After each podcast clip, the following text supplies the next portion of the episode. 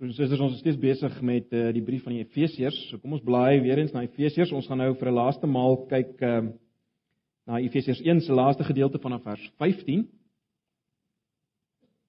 Dan as die Here wil, sal ons van volgende week af begin met hoofstuk 2.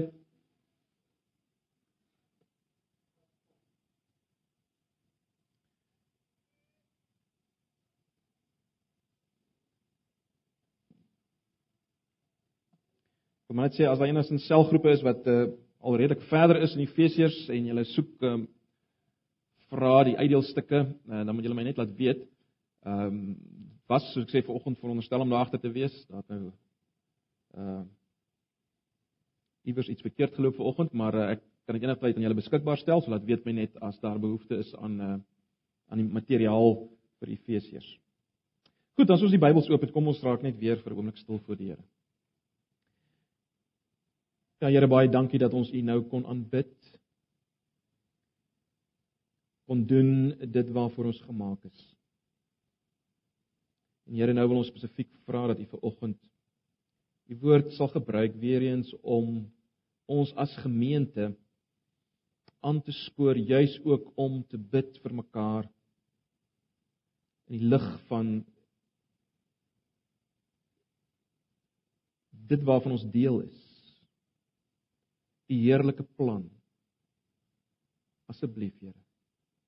Kom ons swakheid te help, kom my eie swakheid te help vanoggend deur die werking van u Gees. Maak ons sensitief vir u self. Asseblief, Here. Here, ons wil ook vanoggend bid vir elkeen in ons gemeente wat swaar kry, so baie van hulle. Hulle wat oud en swak is, hulle wat siek is, die wat eensaam is ook die wat nou weer geliefdes aan die dood afgestaan het. Ons dink spesifiek aan Marijn vanoggend wat 'n suster afgestaan het aan die dood. Die ook vanoggend daar by hulle sal wees by die begrafnis sal versterking, sal bemoedig. Ag Here, wees met elke een in hierdie gemeente wat deel is van u liggaam. Maak hulle oë oop om u te sien vir wie u werklik is, ook in hulle swaar kry, asseblief vra dit in Jesus se naam. En nou Here, kom werk en praat met ons. Asseblief. Amen.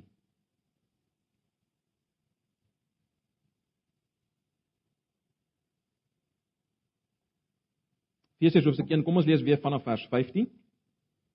Vanoggend gaan ons wel fokus meer op vers ehm vers 18 tot 23. Maar kom ek lees die hele gedeelte omdat dit 'n eenheid is. Daarom vers 15. Vandat ek gehoor het van julle geloof in die Here Jesus en van julle liefde vir al die gelowiges, hou ek ook nie op om God vir julle te dank nie. Wanneer ek in my gebede aan julle dink, bid ek dat die God van ons Here Jesus Christus, die Vader aan wie al die eer toekom deur sy Gees, aan julle wysheid gee en hom so aan julle openbaar dat julle hom werklik kan ken. Ek bid dat hy julle geestesoë so verhelder dat jy kan weet watter hoop sy roeping inhou en watter rykdom daar is in die heerlike erfenis wat hy vir die gelowiges bestem het en hoe geweldig groot sy krag is wat hy uitoefen in ons wat glo. Dit is dieselfde kragtige werking van sy mag wat hy uitgeoefen het toe hy Christus uit die dood opgewek het en hom in die hemel aan sy regterhand laat sit het. Hoog bo alle bose magte en enige ander vorm van gesag waarvan daar sprake mag wees nie net in hierdie bedeling nie, maar ook in die bedeling wat kom. Aan hom het God alles onderwerp, hom bo alles verhef en hom aangestel as hoof van die kerk. Die kerk is sy liggaam, die volheid van hom wat alles in almal vervul. Kom ons lees net so ver. Nou broers en susters, twee weke gelede het ons op grond van hierdie uh, gebed van Paulus vir die Efesiërs tot die konklusie gekom dat as ons nie vir mekaar as gelowiges bid nie, is ons besig om te sondig. Waarom? Wel, in die lig van 'n paar dinge wat ons raak gesien het verlede uh, of twee weke gelede, nê. Nee het ons gesê dis dis sonde. Die lig daarvan is dit sonde. Ek het julle gesê as ons As ons bid, as ons begin bid en ons begin om God te dank vir die geloof en liefde wat ek sien in my broers en susters as gevolg van die feit dat hy hulle geseën het vers 3 en verder van hoofstuk 1 as gevolg van die feit dat hy hulle geseën het met al die seënings in Christus Jesus in die hemele as ek God dank vir die geloof en liefde wat ek in my broers en susters sien op daardie oomblik is ek besig om te doen waarvoor ek gemaak is my skepingsdoel te bereik om God te dank, te eer. En ek beleef ook my eie grootste vreugde as ek dit doen want dis waarvoor ek gemaak is. As ek so begin bid, met ander woorde as ek nie begin om te bid, ag Vader, wees met so en so, seën so en so nie, maar as ek begin om God te dank. Maar dis meer as dit. Ons het gesien die oomblik As ek bid dat die Heilige Gees, soos Paulus dit hier bid, as ek bid dat die Heilige Gees my broers en susters se geestesoë sal oopmaak sodat hulle hom waarlik kan ken as die een wat hulle geseën het soos hoofstuk 1 beskryf. As ek dit bid dan dan lei dit ook daartoe dat my broers en susters God gaan dank. En so vervul hulle hulle hoogste skepingsdoel. Hulle beleef hulle eie grootste vreugde, dit waarvoor hulle gemaak is. En meer as dit, Ek doen wat God begeer, naamlik dat hy gedank moet word, geprys moet word. Julle sal onthou ons het mekaar gesê dwars deur die eerste 14 verse loop daar 'n refrein. Uh letterlik in die soos dit in die 53 vertaling is tot lof van sy heerlikheid. Alles wat hy daar doen is tot lof van sy eerlikheid, oh, tot lof van sy heerlikheid of as jy die 1983 vertaling het sodat ons hom sal dank, loof en prys. En in die lig daarvan broers en susters, kan dit mos nie anders dat as ons nie bid nie, is ons besig met sonde.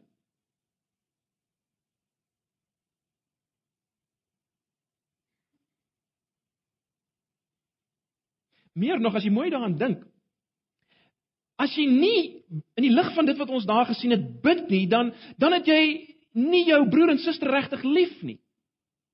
En ook nie God nie want jy doen nie wat vir hulle die hoogste vreugde kan gee nie. En daarom is dit 'n ernstige saak as ons nie bid vir mekaar op hierdie manier nie. So dink ons het duidelikheid gehad oor die hoekom ons moet bid. Oor die hoe, ons het nie baie daaroor gesê nie. Ons het net gekyk na daai eerste gedeelte, naamlik dat ons moet bid dat die Heilige Gees my broers en susters se harte sal oopmaak of se geestesoë sal oopmaak dat hulle God waarlik kan ken, nie van weet nie, maar om kan ken in 'n persoonlike kennis. Dis wat ons moet bid. Nou, vanoggend wil ek hê ons moet nog 'n keer saam dink oor oor hoekom dit belangrik is om te bid en en en hoe moet ons bid? En ek wil veral kyk dan Uh na hierdie laaste gedeelte vers 18 tot 23. Ek dink ons kry hier 'n kragtige aansporing vir gebed in vers 20 tot 23 of laat ek dit so stel. In vers 20 tot 23 kry ons 'n kragtige aansporing om te bid dit wat in vers 18 en 19 staan. Ons kry 'n kragtige aansporing om te bid dit wat in vers 18 en 19 staan. So ek wil hê ons moet uh, ons moet eers kyk na vers vers 22 tot 23. En wil ons eers met 'n paar waarnemings hier maak.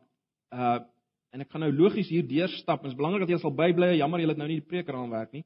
Maar maar is belangrik dat ons dit sal raak sien want dan weet ons hoekom ons moet bid dit wat in vers 18 en 19 staan. Daar's 'n paar dinge wat ons moet raak sien in vers 22 en 23.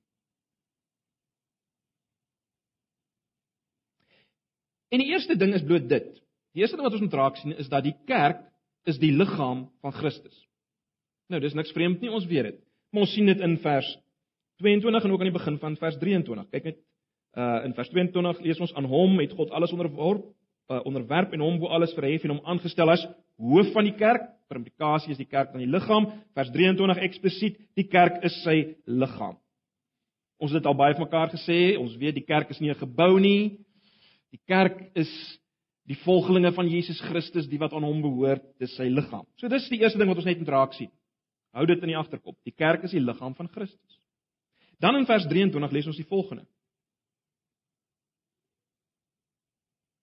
Die kerk is sy liggaam, die volheid van hom, dis Jesus, wat alles in almal vervul. So dis die volgende groot ding wat ons moet sien. Christus vul alles in almal. Nou letterlik sou mens grammatikaal die Griek so kon vertaal: Christus is nou besig om alles in almal te vervul. Of soos die Engels dit sê, all in all. Christus is nou besig om alles in almal te vul. Met ander woorde, ek dink die betekenis is dit: Christus is besig om elke sweer van bestaan, elke area van bestaan oral in die heelal op die maniere wat hom behaag te vul, vol te maak. Nou, dit klink natuurlik vreeslik mooi, maar wat op aarde beteken dit, né? Nee. Is Christus een of ander vloeistof of gas. Wat beteken dit? Wat alles vul? Wel die beste leidraad om te verstaan wat dit beteken dat Christus alles vul, die beste leidraad word gevind in die onmiddellike konteks van hierdie gedeelte. Met ander woorde in vers 20 tot 22. Maar ook in hoofstuk 4 vers 8 tot 10. En ek wil hê ons moet nou eers kyk na hoofstuk 4 vers 8 tot 10 om te verstaan wat word bedoel met hierdie Hy vul alles in hom.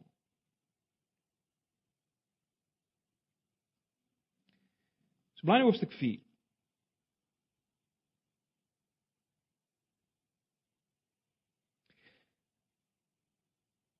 Paulus praat hier omtrent die manier waarop Christus opgestaan het uit die dood, opgevaar het na die hemel, hoe hy in die proses die bande van die dood gebreek het, 'n klomp gevangenes saamgeneem het, Nou moenie nou te veel bekommer oor presies wat dit alles beteken nie. Ons kom daarby, maar baie belangrik, dan maak Paulus die uitspraak en hy sê dat Jesus dit gedoen het sodat hy alle dinge kon vul. Luister net, kom ons lees dit saam. Vers 8 van Efesiërs 4. Daarom sê die skrif, toe hy, dis Jesus na die hoogte opgevaar het, het hy kruisgevangenes saamgeneem en gawes aan die mense gegee. En hierdie uitdrukking hy het opgevaar, veronderstel dat veronderstel tog dat hy eers neergedaal het na wat laer is, naamlik na die aarde toe. Die een wat neergedaal het is ook die een wat opgevaar het bo alle hemelruimtes uit. Luister nou, om alles met sy teenwoordigheid te vul. Dis hoe die 83 vertaling dit vertaal, om alles met sy teenwoordigheid te vul. Ehm um, die 53 vertaling as jy dit het, daar lees ons sodat hy alles tot volheid kan bring.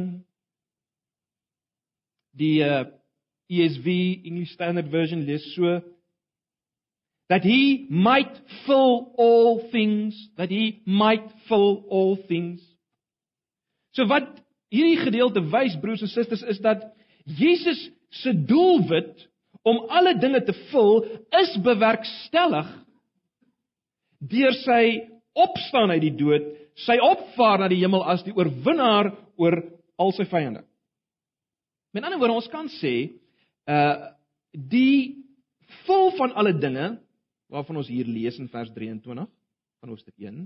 Die vol van alle dinge is iets wat Jesus doen met die gesag wat hy het as opgestane heerser oor alle dinge. So dis die eerste ding wat ons raak sien. Die vol van alle dinge is iets wat hy doen met die gesag of die mag wat hy het as die een wat opgestaan het as heerser oor alle dinge. Kom ons gaan nou terug na vers 20 tot 22 van hoofstuk 1. En jy sal oplet Paulus doen presies hier dieselfde as wat hy doen in hoofstuk 4 vers 8 tot 10. Uh hy praat weer van die opstanding van Christus, sy verhoging bo alles, sy triomf.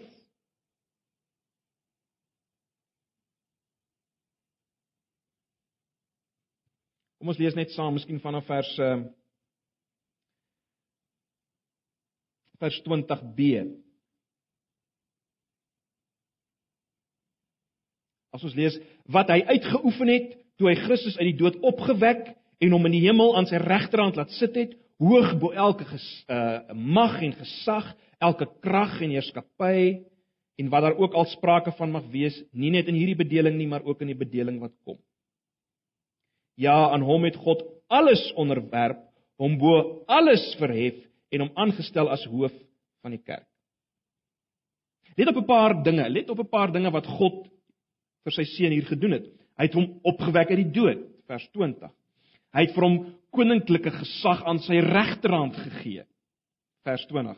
Hy het elke ding in die heelal in onderwerping aan hom gebring, vers 22, wat natuurlik insluit elke mag, elke wese wat nou bestaan en wat in die toekoms sal bestaan, vers 21 en dan uiteindelik uh gee hy, dis nou God, sy seun hierdie seun wat hierdie universele mag het, God gee sy seun as hoof aan die kerk as sy liggaam.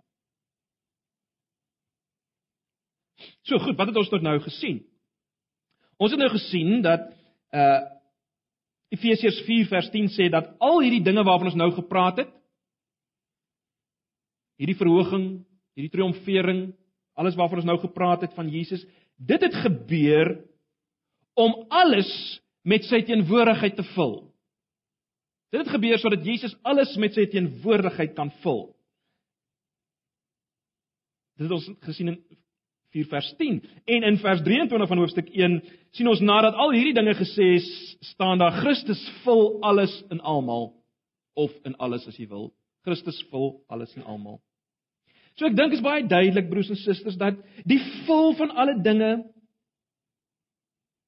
is die gevolge van Christus se heerskappy oor alle dinge soos dit na vore gekom het in sy opstanding en, en in sy verhoging. So. Ek dink die die die mees natuurlike betekenis van hierdie vul, as jy as jy wil vra, okay nou maar waarmee vul hy dan nou alles? Ek dink die die die mees natuurlike betekenis is dat hy alles vul met die uitoefening of die handhawing of die bevestiging net soos jy dit wil stel van sy heerskappy en sy gesag. Dis waarmee hy alles vul. Hy vul alles met die uitoefening, die handhawing van sy gesag en heerskappy. As jy wil hy bevestig homself en sy regte so ten volle as wat hy wil in alle dinge in alle dinge bevestig hy homself en sy regte.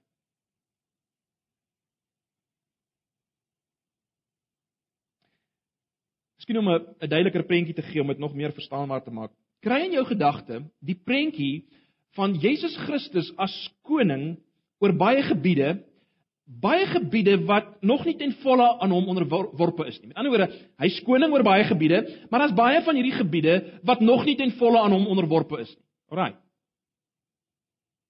Nou hierdie teks wat ons nou gelees het in Efesiërs 1 en ook die gedeelte in Efesiërs 4, maar veral in dan hoofstuk 1 vanaf vers uh vers 20 en verder. Hierdie gedeelte verklaar dat Christus is inderwaarheid koning oor die heelal.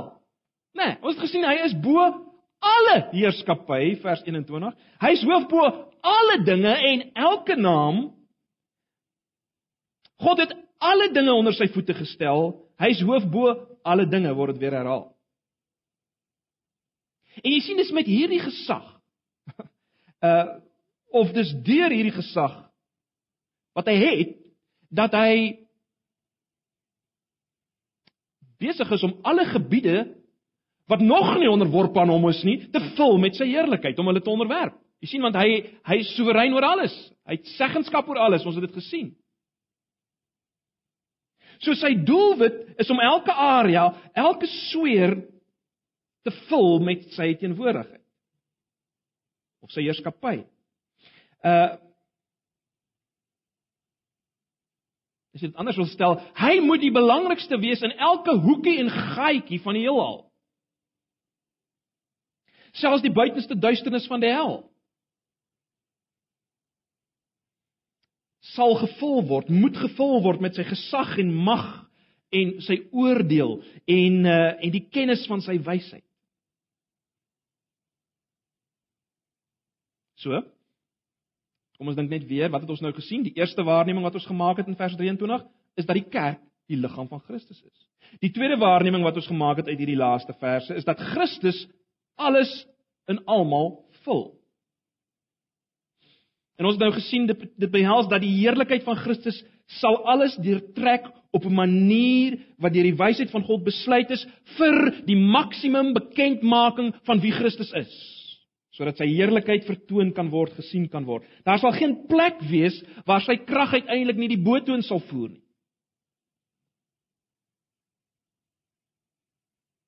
Alles gaan uiteindelik sy heerlikheid sien, wie hy werklik is.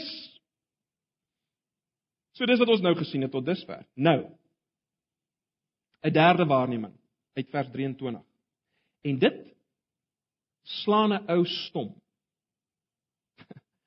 dis dis ongelooflik. Kyk mooi na vers 23.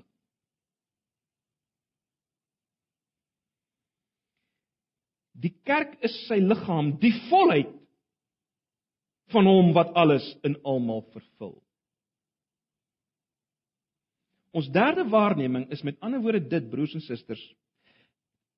Christus se liggaam is daardie volheid wat alles in almal vul of vervul. Sy liggaam is die volheid. Sy liggaam, die kerk, is die volheid van Christus. Met ander woorde om dit anders te stel, die kerk, die liggaam van Christus, waarvan ek en jy deel is, is die volheid waardeur Christus alles vul, alle dinge vul.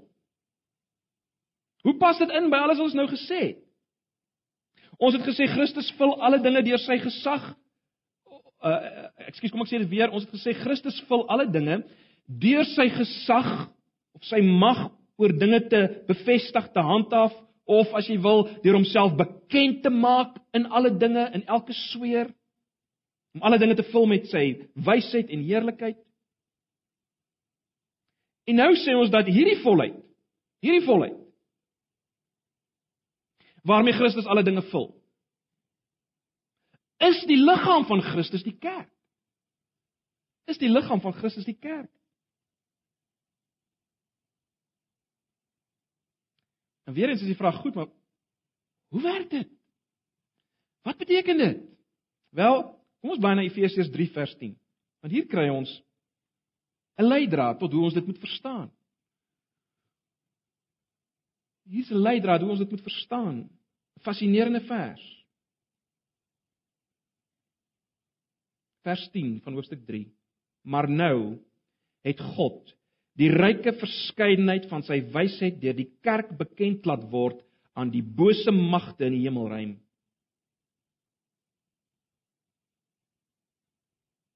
Vers 11 soos hy hom van ewigheid af al voorgenem het om dit deur uh om dit deur Christus Jesus ons Here tot uitvoering te bring.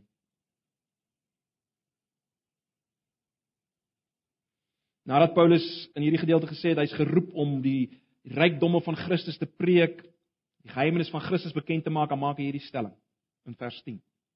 En dit slaan jou asem weg. As jy deel is van die kerk en en jy en jy glo dit. Wat sien ons hier? Die eerste ding wat ons hier sien is dit. Uh die wysheid van God. Die ryke verskeidenheid van sy wysheid, die veelkantigheid van God se wysheid word bekend gemaak aan die owerhede en magte. Nou, uh die owerhede en magte as ons na hoofstuk 6 kyk, is niks anders as die die bose geeste en die demone. Dis die owerhede en magte waarvan hier gepraat word. Dis die owerhede en magte waarvan hier gepraat word.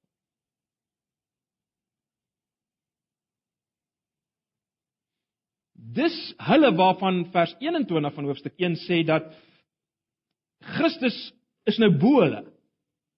Hulle is onder sy voete, nê. Nee. Hulle is onder sy voete, dit vers 21 gesê. So dis die eerste ding wat ons sien.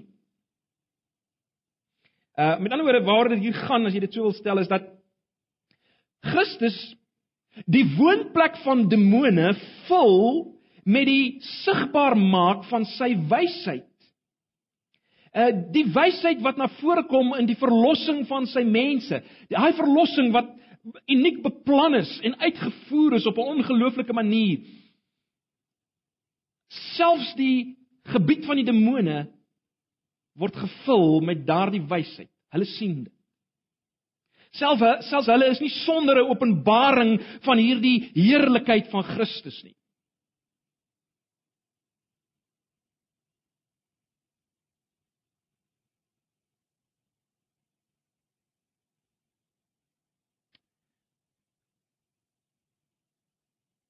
Maar nou. Nou sien ons hierdie openbaring, hierdie sigbaar maak aan die demone van die wysheid van God in dit wat Christus gedoen het. Hierdie sigbaar maak hierdie openbaring wat die woonplek van die demone vul.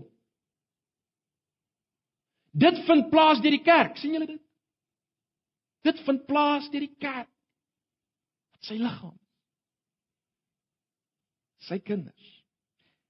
En ek dink dis 'n pragtige illustrasie van 1 vers 23, naamlik dat die kerk die volheid is van hom wat alles in almal vul.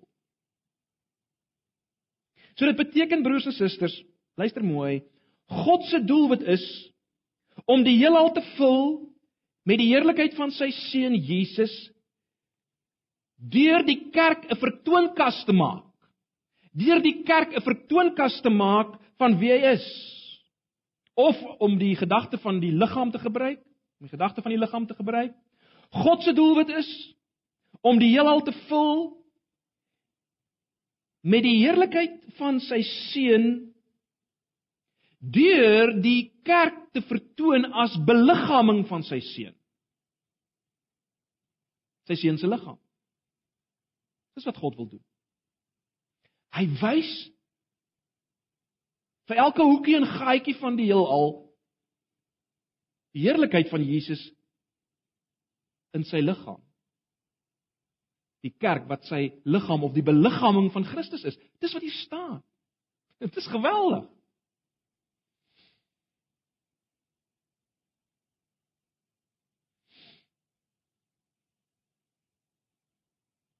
Christus wys sy liggaam vir die heelal. Hy wys hoe hy haar gekies het, hoe hy haar bestem het vir kunskap. Hoe hy vir haar geleef het, gelei het, gesterf het, opgewek is, oor haar regeer, haar regverdig, haar heilig maak, haar uiteindelik in ewigheid saam met hom sal neem sodat sy uiteindelik al haar vervulling in hom sal vind. Dit word vertoon.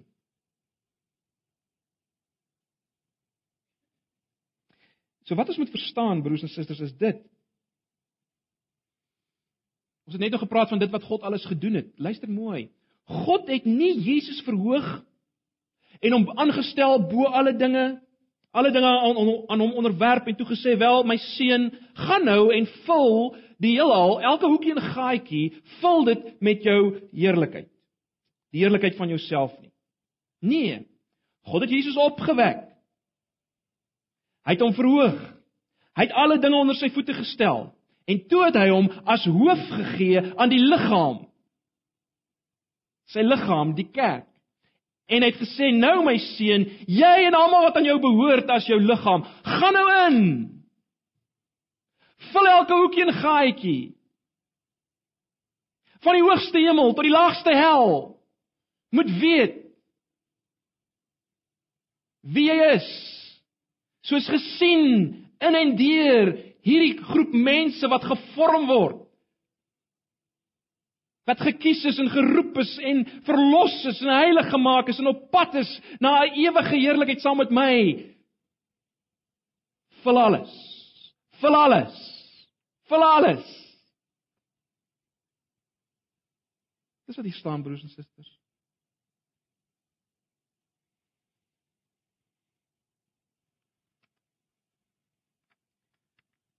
So nou is die vraag Waarom moet ons bid en wat moet ons bid? Wel, Ek dink die waarom is voor die hand liggend. Omdat dit op die spel is. Dis wat op die spel is. Alles moet sien hoe heerlik Jesus Christus is in ons, die kerk. Alles moet gevul word met 'n verstaan van sy heerlikheid en sy wysheid en sy krag wat bewerk is deur sy opstanding en verhoging en dit moet geskied deur ons. Dis op die spel. En nou die skokkende ding. In Openbaring 2 30 jaar na Paulus dit geskryf het wat hy hier skryf, lees ons wat? Ons lees aan die brief van Efese, ek het dit teen jou dat jy jou eerste liefde verlaat het. Pas op. Ek gaan jou lampstander van sy plek verwyder. Wat sê dit vir ons broers en susters? Dit sê vir ons hierdie goed gebeur nie outomaties nie. Dit is nie outomaties so dat elke plaaslike gemeente wat 'n 'n 'n 'n 'n deel is van hierdie groter liggaam wat bestem is vir hierdie heerlike doel. Dis nie dis nie van selfsprekend dat dit gebeur nie. Hierdie einste gemeente Na 30 jaar was hulle op die punt dat dat Christus sê ek gaan jou lampstander verwyder. Jy gaan nie meer deel wees hiervan nie. En daarom moet ons bid. Daarom is dit so ontsaglik belangrik dat ons sal bid. Hierdie goed gebeur nie van selfsprekend nie. Wat moet ons bid? Wel, dis wat ons kry in vers 18 tot 19. Ons moet bid dat die Heilige Gees Kyk na vers 18 en 19 van hoofstuk 1. Ons moet bid dat die Heilige Gees ons so verhelder. Ons se verstaan gee van sekere dinge. Sodat ons hierdie roeping kan vervul waar waartoe hy ons geroep het. En daarom is dit nie is dit nie interessant nie. Die eerste ding waarvoor ons moet bid is dit. Uh dat my medebroers en susters sal weet wat is die hoop van hulle roeping sien julle dis die eerste ding. Wat is die hoop van hulle roeping? Nou as ons praat van roeping, dan vat dit ons terug na die begin van ons Christendom, né? Nee. Natuurlik is dit so dat ons God aanroep vir verlossing. Maar ons roep hom aan omdat hy ons eerste geroep het, né? Nee, Romeine 8 vers 30. Maar waarom het hy ons geroep? Sommige net vir die lekkerte. Sommige net so. Nee. Hy het ons geroep na iets, vir iets. En dis wat bedoel word met met die hoop. Hierdie na iets, hierdie vir iets waartoe hy ons roep is die hoop waarvan Paulus praat hier in vers 8. Dis kan amper sê die hoop is daai verwagting wat ons geniet. Dis daai verwagting wat ons geniet as gevolg van die feit dat hy ons geroep het. Dis dit is daai verwagting. Nou in die Nuwe Testament word daar baie gesê oor hierdie roeping. Daar word gesê ons is uh ons is geroep om aan Jesus Christus te behoort. Ons is geroep tot gemeenskap met hom. Gaan lees maar Romeine 1:6, 1 Korintiërs 1:9. Ons is geroep met 'n heilige roeping om heilig te wees. 1 Petrus 1:1 tot 16. En en en, en daar's baie ander gedeeltes. En uiteindelik is ons geroep om om saam met hom te deel in die heerlikheid. Maar baie belangrik, in die lig van hierdie gedeelte sien ons nog iets van dit waartoe ons geroep is. Ons is geroep om as sy liggaam die volheid te wees van hom wat alles in almal vul. En ek en jy moet bid dat my medebroer en suster dit sal begryp. Dat daar verligting sal kom. Want ons is Ons is nie altyd so bewus daarvan nie. Nee, ons is ons is ons is ons is traag. Ons is uh beneveld baie keer. Dit dit waarmee ons elke dag besig is. So dis waarvoor ons moet bid. Want as ons dit verstaan en as my broer en suster dit verstaan, dan begin ek al meer leef dit wat ek moet leef sodat die wêreld die heerlikheid van Christus kan sien. In die tweede plek moet ons bid dat die Heilige Gees ons 'n verstaan sal gee, my medebroers en susters 'n verstaan sal gee van die rykdom van die heerlike erfenis wat wag. Aan die ander woorde dit gaan hier oor 'n begryp van dit wat vir ons wag as ons klaar hier op aarde as die volheid van Christus alles gevul het. As ons klaar is met hierdie pad hier, wat wag vir ons? Met ander woorde, dit gaan oor hierdie erflatingskap, uh waarvan die Heilige Gees die eerste paaiement is, waarvoor die Heilige Gees ons bewaar, seël. Onthou julle ons het daarvan gelees in vers 14 van hoofstuk 1. Ons bid nou vir mekaar dat ons 'n verstaan daarvan sal kry. Natuurlik sal ons nooit weet presies hoe dit gaan wees en wat wag nie, maar ons weet ons gaan hom sien. Ons weet ons gaan hom aanbid. In Johannes 3 vers 2 sê elkeen wat hierdie verwagting het dat hulle Jesus gaan sien, reinig homself soos Jesus rein is. Luister net na Openbaring 22. Openbaring 22 vers 3 tot 7. Openbaring 22 vers 3 tot 7, dis wat wag. Daar sal niks meer wees wat deur God vervloek is nie. Die troon van God en van die Lam sal in die stad wees en sy dienaars sal hom dien. Hulle sal hom sien en sy naam sal op hulle voorkoppe wees. Daar sal nie meer nag wees nie. Die mense het nie die lig van 'n lamp en die lig van die son nodig nie, omdat die Here God hulle sal verlig en hulle sal tot in alle ewigheid regeer. Dis wat wag. Ek en jy moet bid dat die Heilige Gees iets sal doen, dat my broers en susters dit sal vat Dit sal verstaan, sal begryp dat dit hulle opgewonde sal maak, dat dit hulle sal lanceer om getrou te bly. Om te leef vir Christus daar waar hy is, sodat Christus se heerskappy kan duidelik word. In die laaste plek ons moet bid dat ons broers en susters sal bewus word, sien julle dit, van die krag wat in hulle werk. Paulus sê dis dieselfde krag wat in ons werk wat werksaam was toe God Jesus uit die dood opgewek het. Dieselfde krag is in ons werksaam. En ek weet nou sê jy vir my ja ja. Klink mooi, maar ek beleef niks daarvan nie. Ek self beweeg, beleef ook dikwels niks daarvan nie. Hoekom nie?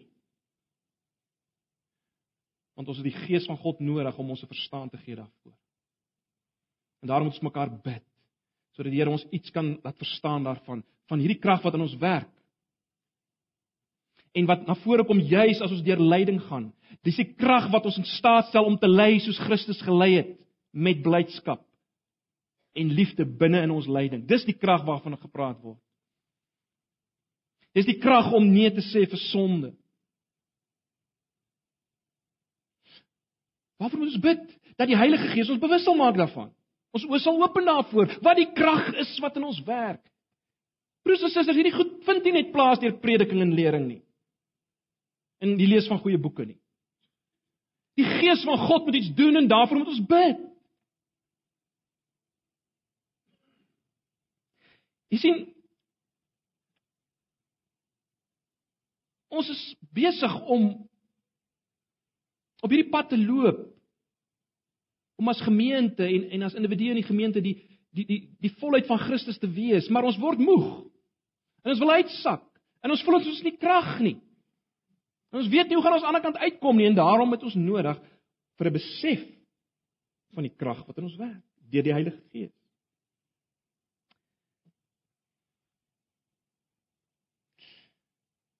Broers en susters, ek sluit af.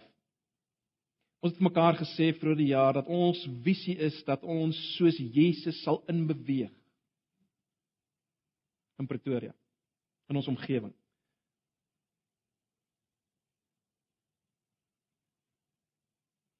Ek hoop julle sien hoe belangrike deel gebed, gebed vir mekaar is in hierdie hele inbeweeg. In die sigbaar maak van Jesus, dis wat ons gesê het. Ons wil Jesus sigbaar maak, sy koninkryk, sy heerskappy. Wel, dis waaroor hierdie gebed gaan, is dit nie? Ons is die volheid van hom wat alles en almal vol. Maar dit gaan hand aan hand gebed vir mekaar. Ag broers en susters, en ek is net so skuldig soos julle. Ons gebede is dikwels formalisties, dikwels rympies wat ons geleer het. Dikwels net dinge wat ek wil hê. Dikwels net vir die fisiese behoeftes van ander, vir hulle siektes, vir hulle finansies. Ag, sal ons nie begin om so te bid met 'n bewustheid van wat op die spel is.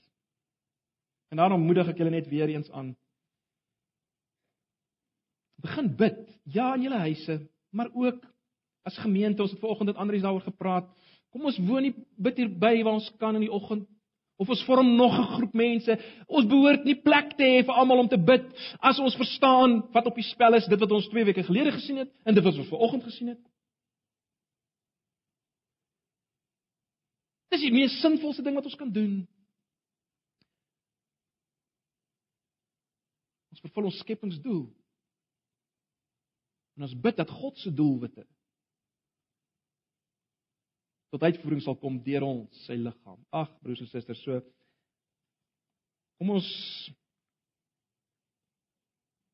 kom ons vat dit volgens. Mag die Here ons hiermee help.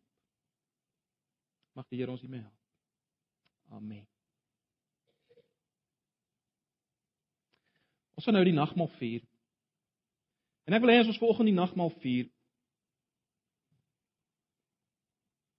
dat ons van hierdie een ding bewus sal word en dit is ons deel hê aan die liggaam. Onthou ons nou gesien, die kerk is die liggaam van Christus, die volheid van hom wat alles en almal vul. As ons nou die nagmaal gebruik en ons sien hierdie tekens en ons proe dit en ons ruik dit en ons vat dit.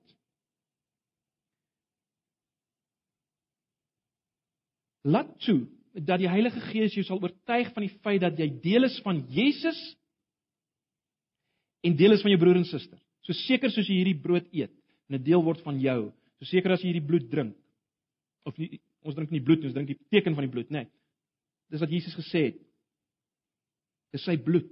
Hierdie is die teken van sy bloed. Die deel hy aan sy verlossingswerk. En as gevolg van sy verlossingswerk, as gevolg van die feit dat hy in my lewe die lewe geleef het wat ek nie kan nie en in my plek die straf gedra het wat ek verdien het en opgestaan het uit die dood en opgevaar het na die hemel. As gevolg daarvan kan ek deel wees van sy liggaam. In myself is ek dit nie werd nie. Hierin lê my sekerheid. En die God wat goddeloos is, regverdig verklaar op grond van 'n werk buite hulle self, dit wat Jesus gedoen het en dit waarvan die tekens hier praat. Kom ons word bewus daarvan volgens broers en susters. Kom ons gaan nie net deur 'n ritueel volgens weer nie. Kom ons raak intens bewus van die werk van Jesus in my plek en dat ek nou deel is van sy liggaam soos ek hulle hier kan sien rondom my. Deel van hom is die hoof ja, maar ek is ook deel van hierdie liggaam, my broers en susters. Kom ons gebruik dit in daai gesindheid. Uh kom ons bid vir mekaar terwyl ons hier is. Kom ons bid dit wat ons vanoggend gesien het vir mekaar terwyl ons hier staan. So ek nooi julle uit om om die nagmaal te gebruik. Miskien kan die broers net vir ons die ehm um, tafel oopmaak.